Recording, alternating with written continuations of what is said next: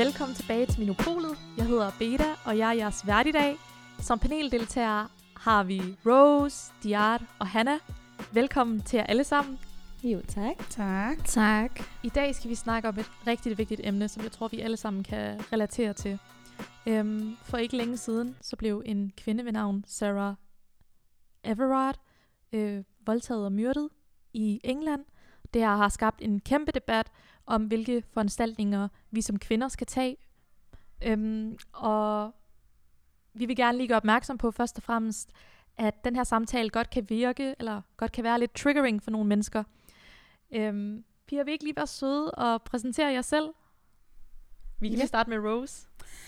Ja, jeg hedder Rose. Jeg er 28 år. Jeg fyldte faktisk 28 den dag, Sarah Everard hun forsvandt. Øh, jeg hedder Diara. Jeg er 25 år gammel. Øhm, og jeg har ret stærke holdninger til, den her, øh, til det her emne. Så ja. Ja, øhm, jeg hedder Hanna.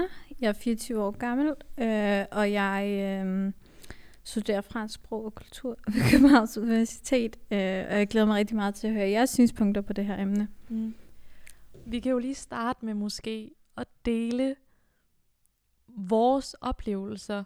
Har nogen af jer oplevet at skulle tage nogle for, for, foranstaltninger, inden I bevæger jer udenfor, eller kan I slet ikke genkende det her? Ja, helt klart. Så jeg har altid sådan, når det bliver mørkt, tænkt over, når jeg bevæger mig ud om aftenen og skulle have kontakt til en veninde på telefonopkald, øhm, enten dele min live-lokation, eller tage en, et nøglebund i, i hånden, som vi talte om tidligere.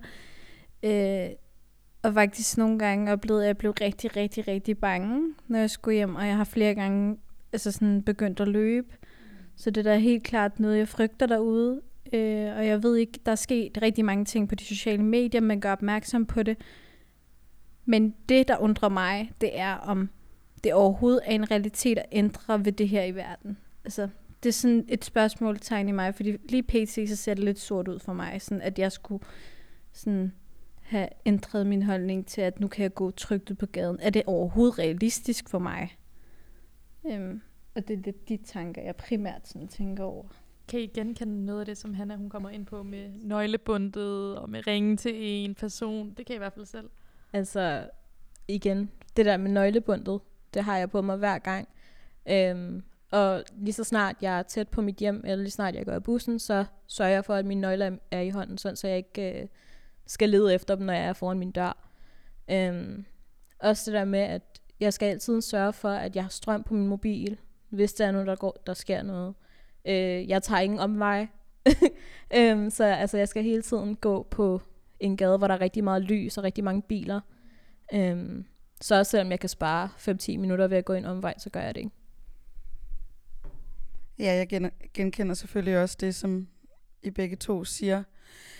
Øhm, og jeg tror, noget af det, som, som jeg synes er sådan lidt vildt, det er, at jeg kan tænke tilbage til, da jeg var omkring 13-14 år gammel. Jeg havde sådan et rengøringsjob sammen med min moster. Øh, og der skulle vi gå sådan et godt langt stykke sådan fra Toftegårds plads, og så ud til omkring sådan en McDonald's, hvor vi boede.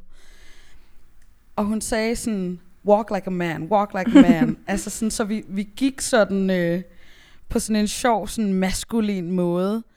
Men allerede der var det sådan en, en, en, en form for sådan indoktrinering i, at sådan, du er ikke sikker som kvinde ude på gaden. Altså allerede som 14-årig skal du faktisk forholde dig til, hvordan du går, øhm, for ikke at risikere noget. Jeg synes, det er ret vildt, og jeg synes, det er ret vildt, at jeg kan genkende så meget af det, som der bliver sagt med strøm på telefonen, og sørg for at have nogen at ringe til, del din live-lokation, øh, have dit nøglebund parat. Øh. og jeg kan også godt undre mig over, om det nogensinde bliver realistisk, at vi at vi kan føle os trygge på gaden, men samtidig kan jeg også undre mig over, hvorfor det er, at vi skal gå og være bange. Altså sådan, hvorfor er det os, der skal gå og tage en masse forbehold? Burde der ikke være nogen, der lærer ikke at angribe? 100 procent. Jeg kan genkende rigtig, rigtig meget af det, du siger. Også fordi, at min far altid har fortalt mig, husk at gå maskulint. Altså, ikke lade nogen omkring dig være bevidste omkring, at du er svag, og så skulle man ligesom gå, jeg, jeg kan ikke rigtig beskrive det, men ligesom du forklarede det, og samtidig, så øh, har jeg også fanget mig selv i, og hvis jeg skal gå om aftenen, så skifter jeg også tøj. Så tager jeg baggy pants på, jeg tager rigtig meget sådan layered tøj på, jeg prøver at tage en hue på, så man ikke kan genkende, at, at jeg er en kvinde. Det er jo også bare et eksempel på, hvilke foranstaltninger vi tager som kvinder, for ikke at, at påtrække, eller sådan få for meget opmærksomhed af den forkerte, forkerte slags. Og med det mener jeg, at der er en eller anden mand, der kigger på mig og tænker, hun er, hende vil jeg kunne, ja, kunne voldtage, ja, angribe. Altså, ja. Ja, jeg genkender også helt klart det, Rose siger. Især det der med, at da det her for ikke særlig lang tid siden begyndte at florere på medierne, og der blev lagt post op omkring, skriv når du er hjemme, så tænkte jeg over, det gør jeg. Jeg siger til alle mine veninder, når det går fra mig, husk at skrive, når du er hjemme, og så sender vi lige nogle hjerter og så videre. Så det gør jeg, og så undrer det mig rigtig meget, at det er faktisk så mange andre kvinder derude, som også gør det her. Altså, altså jer herinde for eksempel, det er jo nogen, jeg kender fra Minu. Vi er frivillige her sammen, men det er jo, jeg er jo ikke opvokset med jer. Men alligevel har vi samme tendens, hvor det her, så siger du indoktrinering, så tænker jeg, at det giver god mening. Og det der med, at når jeg går ud på gaden, så har jeg også nogle gange påtaget mig en vis attitude. Øhm, jeg har sådan tænkt, at hvis jeg går forbi en mand, og der er helt mørkt, så vil jeg have sådan lidt aggressiv blik i, eller sådan prøve at fremme i det sådan øh, morderblik, eller sådan, du ved, sådan, don't touch me. Ja. ja, nej, lige præcis. Men det er også det der med, at jeg synes, det er så vildt, at vi som kvinder kan have den her sådan fælles forståelse for, at om aftenen, der er vi bare ikke sikre. Også i et land som Danmark, hvor vi altså præger os af, at vi er så progressive, og vi er så langt fremme, og så alligevel kan du spørge hvilken som helst kvinde på gaden, og hun har været bange, når hun er gået hjem. Også selvom der måske ikke har været mørkt, men at, at det ikke har været sent. At vi alle sammen har det der sådan dræberblik, og altså hele tiden skal tænke på, om jeg skal krydse vejen, fordi der kommer en gruppe mænd gående. Og jeg har altså, det er virkelig, virkelig stressende, at hele tiden skulle tænke på, om jeg bliver den næste. Og det kan godt være, at for nogen, der lyder det måske dramatisk, og sådan, ej, slap nu af, altså, det kan ikke være så slemt. Men så igen, vi bliver nødt til at tage de her forbehold, fordi vi ved ikke, hvornår vi bliver den næste. Og så især, når vi snakker om Sarah Everard, hun, tog, hun gjorde alt det rigtige, som vi lige har snakket om. Hun ringede til en veninde. Hun gik hjem, hvor der ikke var sent. Hun gik på en, en gade, hvor der var lys, og der var, altså, der var travlt. Hvordan kan det så være, at hun stadig ender med at være den næste? Jeg tror, det er en rigtig fin pointe, du kommer med, Diart, fordi man kan ikke som kvinde, selv hvis man tager alle de der foranstaltninger, være beskyttet imod den her fare. Og det er derfor, det er vigtigt, at vi ligesom retter hele det fokus, der er på kvinder i forhold til at tage de for, for, foranstaltninger og retter dem mod mændene. Og siger, altså, vi snakkede også om det her, Diart.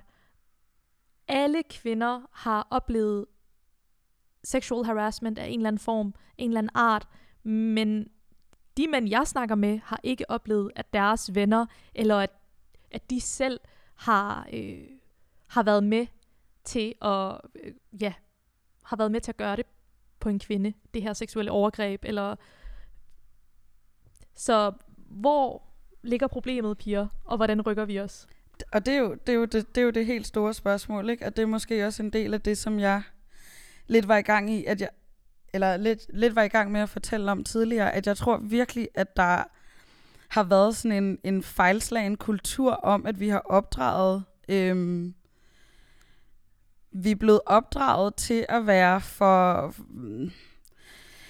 jeg skal finde et godt ord, jeg har ikke lyst til at sige sådan svage eller underdanige eller sådan, men vi, vi er ikke opdraget til at sætte grænser. Vi lærer ikke at sige fra øh, på relevante måder, og vi lærer ikke vores mænd og drenge at opføre sig ordentligt.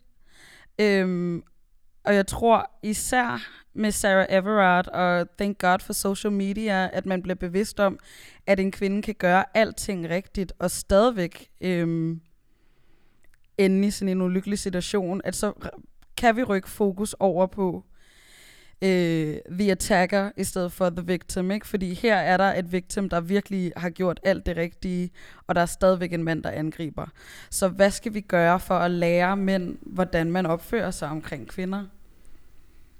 Jeg vil også sige, at det kommer fra hjemmet af, fordi at der har været et kæmpe fokus på os som kvinder i det hjem, jeg er kommet fra. Men jeg ved ikke, hvor meget fokus min far egentlig har sat på at tale med sin drenge omkring, hvordan behandler man kvinder? Hvordan sørger man for at hjælpe kvinder, hvis de ser, at de er i en, en situation, hvor de har brug for hjælp? Eller øh, hvordan gør de deres omgangskreds opmærksom på, hvordan man snakker om kvinder, eller taler til kvinder, eller opfører sig over for dem? Eller kalder deres venner ud, når de ser den opførsel. Eller generelt set, hvordan ser, hvordan ser et samtykke ud?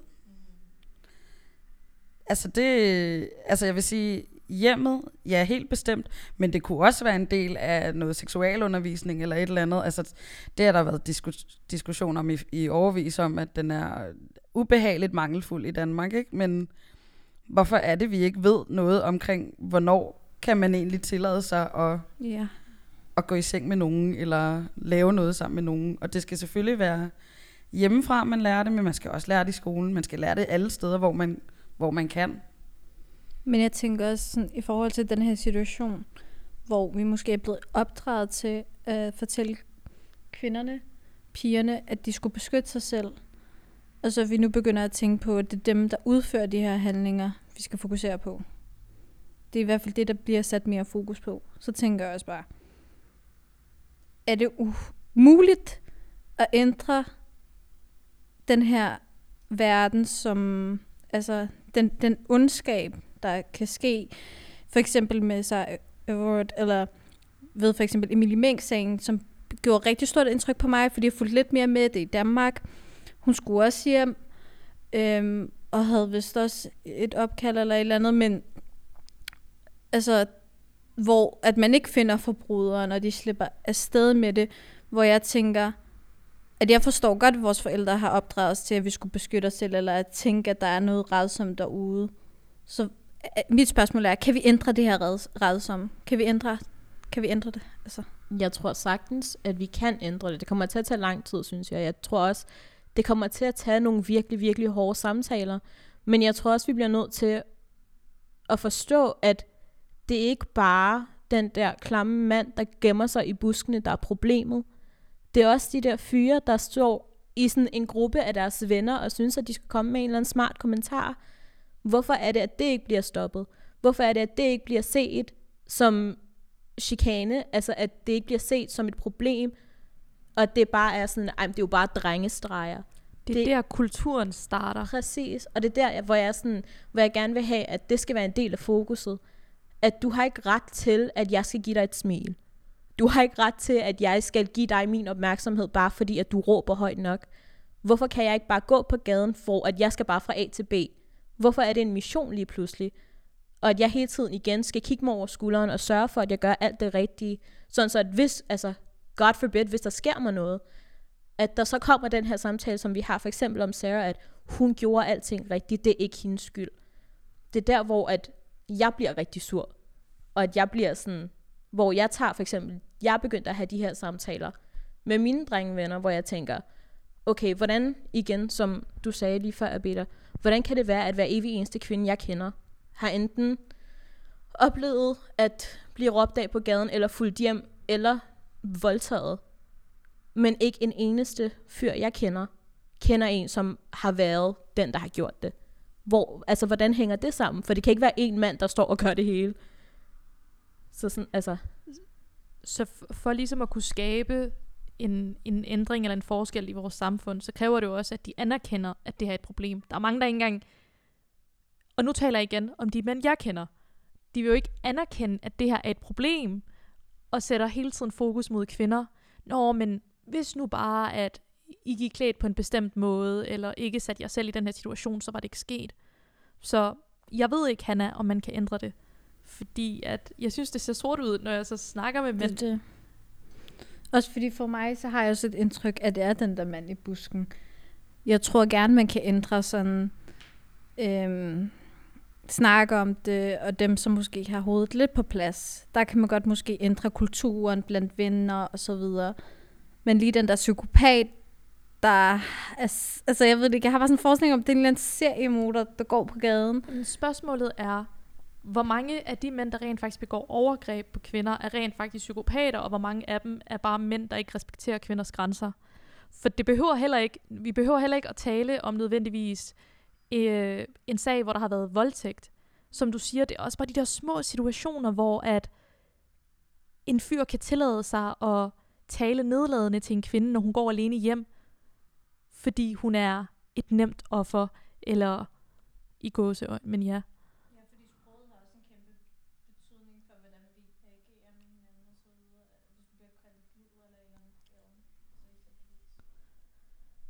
Hvad tænker du, Rose? Jamen, jeg kan ikke lade, altså, jeg kan ikke lade være med sådan at forholde mig til sådan, at en, en verden med de her psykopater i buskene, eller seriemordere, eller et eller andet, ja, bevares. Det kan godt være, at vi ikke kan udrydde alle seriemordere, eller alle psykopater i buske, men langt de fleste overgreb, om det er seksuelt eller ej, bliver begået af folk, man, man kender, folk man tror er ens venner, af familiemedlemmer.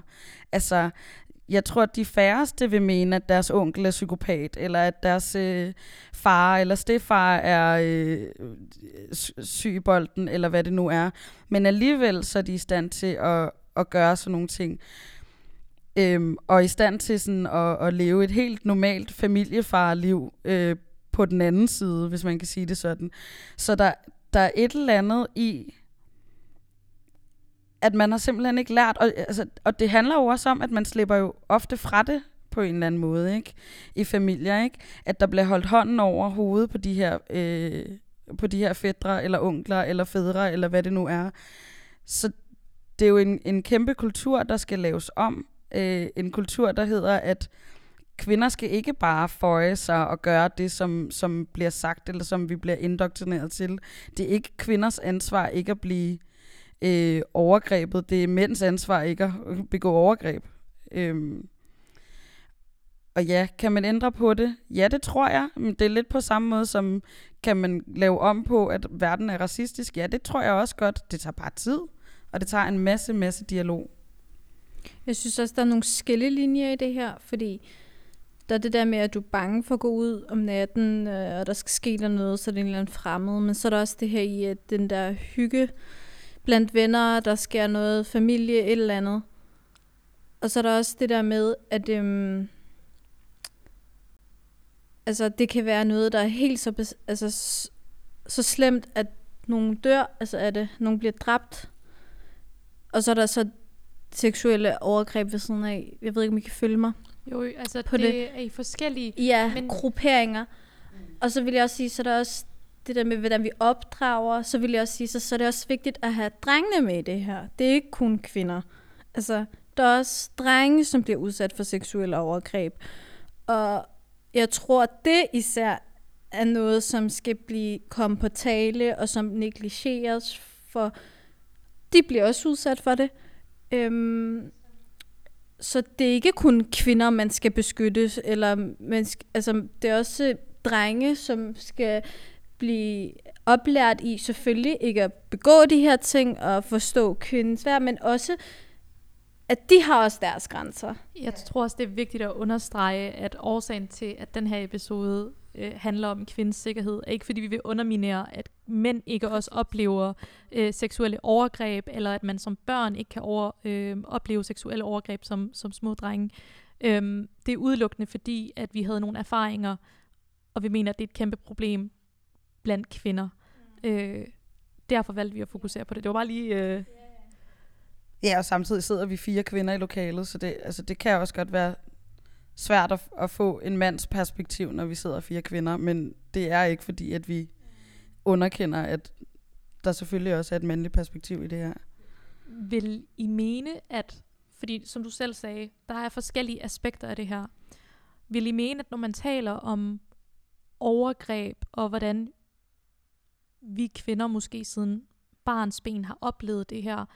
Hvad kan man gøre som forældre, ikke kun over for sine drenge ved at opdrage dem, men mener I, at man også ville kunne gøre mere for at sige til piger, at det er okay at sige fra, er det noget, I har fået fortalt? Eller I er blevet opdraget til? Altså, det er noget, som jeg vil ønske, jeg havde fået at vide. At det er okay at sige fra. Og sådan, jeg tror også, vi talte om det lidt før, det der med, at især for eksempel måske i mine at det er hele tiden det der med, at du skal vise din respekt ved at give de her forskellige mennesker, du kender, sådan et kys på kinden, eller kys dem på hånden, og alt det her. Og jeg føler bare, at det er sådan, det er bare første step til, at det kan godt være, at du ikke har lyst til at kramme den her person, og det jo, det er så lille som et kram, men at du ikke har lyst til at kramme den her person, du har ikke lyst til at kysse den her person på kinden, men du føler stadig, at du bliver nødt til det, fordi, åh oh nej, hvad nu hvis jeg bliver set som uhøflig, eller som dårlig opdraget, at vi ikke får sådan ordene til at kunne sige, jeg føler mig ikke tilpas i den her situation. Og det er ikke fordi, at jeg føler mig overgrebet, men jeg har ikke lyst til at give et kram lige nu. Jeg kender ikke den her person. Jeg har ikke lyst til at kysse den på, på kinden. Det er, ikke, det er ikke et sted, hvor at det er noget, jeg har lyst til at gøre. Og det har vi bare ikke, det, det føler jeg ikke, at vi har fået lov til at, at sådan express Ja. på nogen tidspunkt. Og børn har lige så meget ret til kropslig autonomi og sige, det her er mine personlige grænser, men det er nærmest som om, dem respekterer vi slet ikke. Ja. Jeg tror også, det handler om, at vores velvære, hvordan vi har det psykologisk, eller hvordan vi har det i en vis situation i minokulturen, skal vægtes højere end respekten for, eller sådan æren, eller øh, lige den kultur, der er der med hensyn til, at vi skal virke høflige, høflighed, så er det altså bare vigtigt, at den måde, vi som mennesker har det på. Og det er der, jeg tror, at glipset er. Det er der, jeg tror, det er gået galt med hensyn til, at det altid har været vigtigt at ligesom opretholde kulturen, opretholde de her måder at gøre det på, øh, med hensyn til at kysse sin morfar på hånden, hvis det har været problematisk for en eller anden, tænker jeg. Øhm, Jeg gik personligt hen til min niece og min nevø og havde en separat samtale med dem begge, hvor at jeg sagde til dem, I må gerne sige nej, og der skal ikke komme nogen og røre jer her, eller røre jer her, eller tvinge et kys på jer, eller, og i skal aldrig nogensinde føle, at fordi den her person er ældre, at, I sådan, at de har en autoritet over jer. Selvfølgelig sagt på en måde, så de forstår det, men det er, jo, det er jo vigtigt, for jeg tror aldrig nogensinde, det var først, da jeg hørte fra en veninde, at, at hun havde været udsat for et overgreb fra, fra øh, en person, som var tæt på hendes familie, at jeg blev bevidst om, at det eksisterer i de kredse, hvor jeg voksede op. og det er bare lidt for sent, ikke? Og det, det, præcis. Ja, og jeg, jeg, du spurgte tidligere, om øh, jeg har fået det at vide, og jeg bliver ved med at tænke og tænke, måske har jeg fået det at vide, men jeg føler ikke, jeg har fået det at vide. Jeg føler ikke, jeg har fået at vide sådan... Jeg har fået at vide, at man ikke må have kærester. Jeg har fået at vide alle de her ting, men sådan lige netop sådan grænser og sådan noget, det er jo ikke noget, man særlig meget snakker om, andet end at du skal ikke dyrke sex, eller sådan nogle ting. Ekstremerne, men vejen derhen til, den er, den er bare ude af syn. Men er det ikke mega paradoxalt, at på den ene side får man at vide, du må ikke have sex før Præcis. ægteskab, du må ikke have en kæreste, men skulle dit familiemedlem komme og udsætte dig for et seksuelt overgreb, så skulle du holde din kæft. Jeg siger ikke, det er sådan i alle tilfælde. Jeg vil bare sige, at der eksisterer det her æresbegreb i, i mellemøstlige kulturer og South Asian cultures. Jeg taler om det afghanske kultursamfund, og det synes jeg, det, det er fucked up, og det giver ikke Og det er mening især problematisk, problematisk, især på grund af den der vej derhen til. Altså, børn ved altså ikke, hvad det her er. Så derfor kan de ikke sige nej. Altså, de, de ved det jo ikke.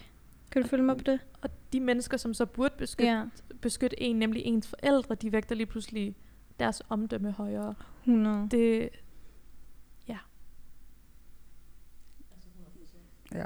Jeg, jeg bliver lidt stille, men det er fordi, jeg, jeg, ved selv, jeg ved faktisk ikke rigtig, hvad jeg skal sige. Det er et øm emne. Det, ja, det er det. Virkelig. Jeg synes, det har taget på os alle sammen, kan jeg mærke. det er meget, altså det er meget sårbart, men jeg tror, det er rigtig godt, at vi har den her snak. Jeg tror, det er rigtig godt, at vi sammen sidder, og det kan godt være, det er bare en indledende refleksion i forhold til det, du sagde, Hanna, med, kan man lave om på det, eller kan man ændre på det? Øhm, men jeg tror, det er rigtig relevant at starte, altså, og jeg håber da, at om ikke andet, om, om nogle af vores refleksioner også vækker yderligere refleksioner i nogle af dem, der lytter med. Altså, og jeg vil... Altså, det, det er lige præcis sådan en podcast her, som jeg rigtig gerne også vil have feedback på og høre sådan, hvad har I gjort jer af overvejelser derude? Sådan, hvad har I gjort jer af forholdsregler? Har I, er I begyndt at gøre noget anderledes efter Sarah Everard-sagen? Ja. Um, altså helt klart, hvis I hører det her, så må I meget gerne skrive til os og fortælle os om jeres oplevelser, bare sådan så, at vi kan sådan, ikke få tal på det, men bare for at få øjnene op for, hvor mange der måske er tæt på os, der også oplever det her. Men hvis vi går tilbage til det der med, at vi for eksempel talte om, at sproget det har en kæmpe effekt på, hvordan den her kultur, den, sådan, den spreder sig nærmest. Det der med, at jeg tror, at der er rigtig mange mænd, som får at vide, og det er måske normalt i, til, sådan, til jobs, eller de får det at vide i forhold til, at de gerne vil et sted hen til livet. Det der med, at du kan altid ændre på et nej. Du skal aldrig tage nej som et svar. Du skal altid arbejde videre. Du skal altid, du ved, kæmpe for det der ja. Og jeg tror bare, at der er nogle gange, hvor at vi ikke sætter en grænse for, at nej er bare en færdig sætning. Et nej er et nej. Og det er der bare så mange, der ikke helt forstår.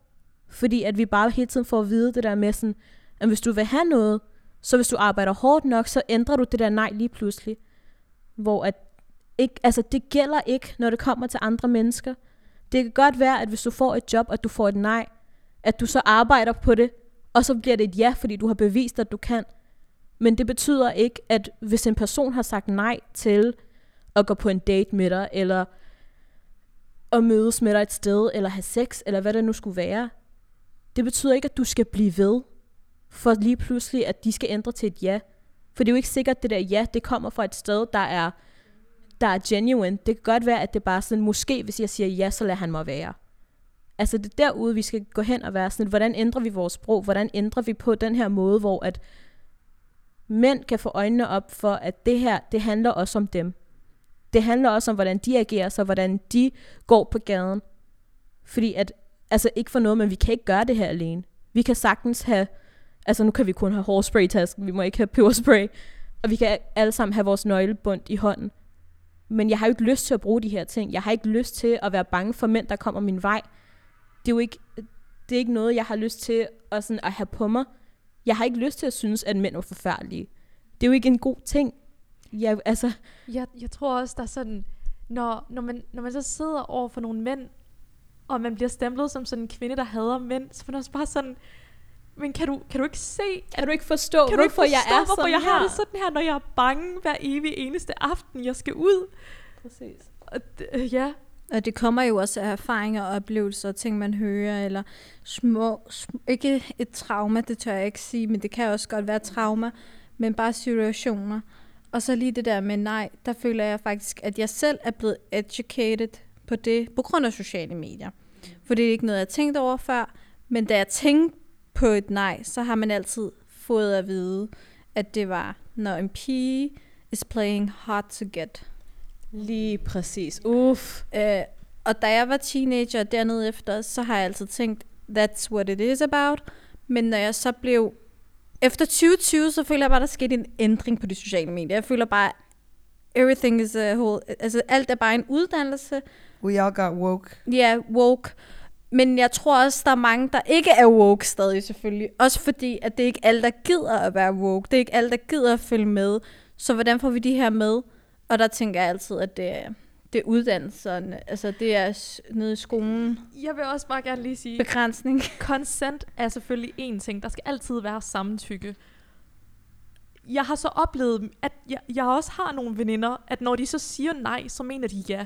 At når Ja. de så løber ud af værelset og siger, lad mig være, så vil de gerne have, at fyren kommer og løber efter dem. Men det er jo selvfølgelig Men kan man ikke læse. Spillereglerne.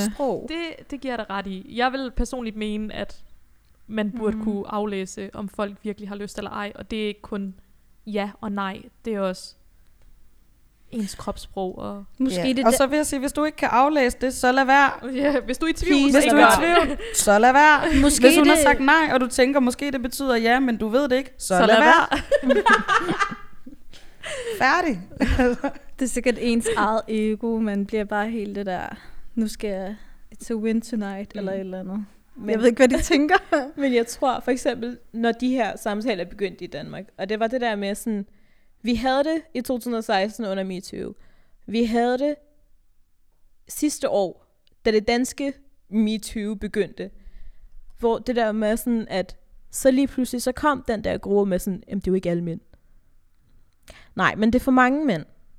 Og det er nok mænd til, at alle kvinder er bange. Altså sådan, hvor øh, kan man ikke se problemet? Kan man ikke sætte sig selv til side? Det, det handler jeg ikke om forstår. dig. Det handler ikke om dig. Du er ikke god, fint nok. Men Ja. altså, snak med din Og kollega, vi går din tilbage. ven. Altså, det, det er sådan en indre følelse af, at man bliver stødt på manchetterne på hele mandekønnets vegne. Ikke? Sådan, ej, hvis du siger, at nogle mænd er sådan, så siger du også, at jeg er sådan. Og jeg er i hvert fald ikke sådan. Men når du begynder at sige det, så mudrer du hele debatten, og så tager du alt, altså sådan, så tager du alt fra dig. Sådan, der er nogen som dig, der er sådan. Forhold dig til det. Altså, i stedet for at sige, jeg er ikke sådan, så derfor findes det ikke. Jeg oplever ikke et problem, jeg ikke selv har. Jeg kommer også til at tænke på, at i starten, så spurgte jeg, kan vi ændre ved det her? Og så er det gået op for mig i løbet af den her samtale, at der er noget, der er blevet ændret efter MeToo, eller whatever you want to call it. Fordi at jeg tror, en del af problemet, en lille del af det, af den her skare af mennesker, der går ud og, og begår seksuelle overgreb, det er, at man tænker, der sker ikke noget ved det. Øhm, måske har personen ikke lyst til at gå ud og melde det, fordi personen ved godt, at der ikke kommer til at ske noget ved den her anmeldelse. Personen ved godt, at systemet er bare meget svært at gå op og altså bevise alle de der ting, der skal være i et retssystem. Men efter MeToo, så er der jo flere og flere, der tør snakke om det. Bare det, at vi sidder og snakker om det i dag. Jeg vil bare så lige sige, at det her er meget over mine grænser at snakke om sådan nogle ting, fordi det er bare lidt svært at snakke om i åbne forumer om sådan nogle emner. Men jeg gør det, fordi jeg synes, det er mega vigtigt, og hvis jeg ikke gør det, hvem skulle så gøre det? Og så lige tilbage til det, jeg sagde. Det var, at svaret på det er selvfølgelig blandt andet, at en del af de her personer, som begår seksuelle overgreb, tror, at der ikke sker noget. Altså, der kommer ikke til at være en konsekvens. Men jo mere vi snakker om det, jo flere, der kommer ud og fortæller om deres sager, jo flere, der bare snakker om det, så tror jeg også, at dem, som troede, der ikke ville ske noget ved det, stopper. Altså, jeg tror at rigtig mange mænd, når de tager til julefrokost, og nu ved, at de yeah. bare skal komme og tage en eller anden kvinde på røven, fordi Mm. det er de ting, vi netop definerer som et overgreb, hvis du ikke har mit samtykke. Præcis. Så forhåbentlig, handlinger vil Ja. ændre sig. Altså det vil det, og det, det tror jeg, vi alle sammen godt er begyndt at kunne se. Fordi at på arbejdspladser, hvor jeg kan huske, at øh, jeg arbejdede i Rema, så lige, øh, man kunne lige høre noget fra medarbejdere, eller et eller andet fra en eller anden mandlig chef, eller et eller andet, jeg vil ikke sige for meget, men sådan bare sådan nogle små... Nej, nej, men bare lige det der med, nej, og det er jo bare i sproget, som vi snakkede om tidligere, at det tror jeg stille og roligt vil kunne ændre sig, fordi folk vil sætte en stopper for det, fordi vi bliver mere educated, øh, vi snakker om det, der sker en konsekvens af det. Lovgivningen er jo også ændret. Ikke? Altså, Vi har netop samtykkelov. sådan noget. Præcis. Og thank God, ikke? Men Det, så det ja, stolt det sker i det små, og ja, man kan, altså sådan, det, det sker i det små, men det sker, og det tror jeg, vi er nødt til at holde fast i. Men jeg synes også, igen, vi bliver nødt til at ikke at stoppe den her samtale. Og det, og det mener jeg også, både med den her samtale omkring seksuel overgreb, og at kvinder skulle kunne gå hjem og komme hjem alene. Altså, men også det der med for eksempel overgreb i alle forskellige former, at vi bliver nødt til hele tiden at i talesætte det. Og at det kan godt være, at vi nogle gange tager pauser, fordi at det tager rigtig meget på ens mentale helbred. Og det tager rigtig meget på ens energiniveau. Men vi kan ikke stoppe med at snakke om det, for jeg tænker, det sekund, vi stopper med at snakke om det, så tror folk, at oh, okay, det er fint nok, vi er tilbage, og det, alt er fint nu. Men nej, altså vi, vi skal hele tiden i talsætte det her, og sørge for, at folk ved, at det er et problem, og det er ikke okay. Og så vil jeg bare lige høre her til sidst, har I nogle afsluttende kommentarer til det her emne? Øh, ja, jeg vil bare sige til dem, der lytter derude, jeg håber, at øh, det var spændende at lytte med på. Øh, I måske er enige eller uenige i nogle af de ting, vi siger, men også, at jeg håber, at man kan tænke lidt mere over, at uanset hvor en ubehagelig samtale det her kan være, at skulle snakke om ude i offentligheden, eller mellem venner, eller bare med, hvem man nu skulle snakke med det om, Så ikke give op på det. Altså, bliv ved med at snakke om det, fordi redsomme ting kan være redsomt at snakke om. Og det synes jeg er en problematik, vi bør gøre noget ved. Helt sikkert. Mhm. Mm. Altså som øh, Hanna siger, tag den her samtale op med folk, som øh, I kender, hvis I har modet på det selvfølgelig, øhm, og I gerne vil prøve at få i tale sat nogle problemer. Øhm, og jeg håber bare, at altså, kald jeres venner ud. Hvis I ser en opførsel, som ikke er okay, så sæt en stopper for det. Sig noget. Øhm, fortæl jeres venner, at det ikke er okay, den måde, de opfører sig på. Og så håber jeg bare, at folk, at kvinder og bare andre folk bare øhm, holder sig sikre derude og passer på hinanden. Ja, jeg tror, jeg vil sige lidt af det samme. Og så øh, tror jeg, at jeg vil sige, jeg har sagt det før, jeg siger det igen. Hvis du er i tvivl, så lad være. Jeg vil gerne tilføje, at man skal tage den her samtale også som forældre med sine børn, med sine sønner øh, og med sine døtre. Og øh, også tage den her samtale med sine helt små børn øh, og lære dem at sige fra, om det så gælder kvinder eller mænd. Ja, tak. Jo tidligere, jo bedre. Ja. Det er vi enige om. Det var alt for den her gang.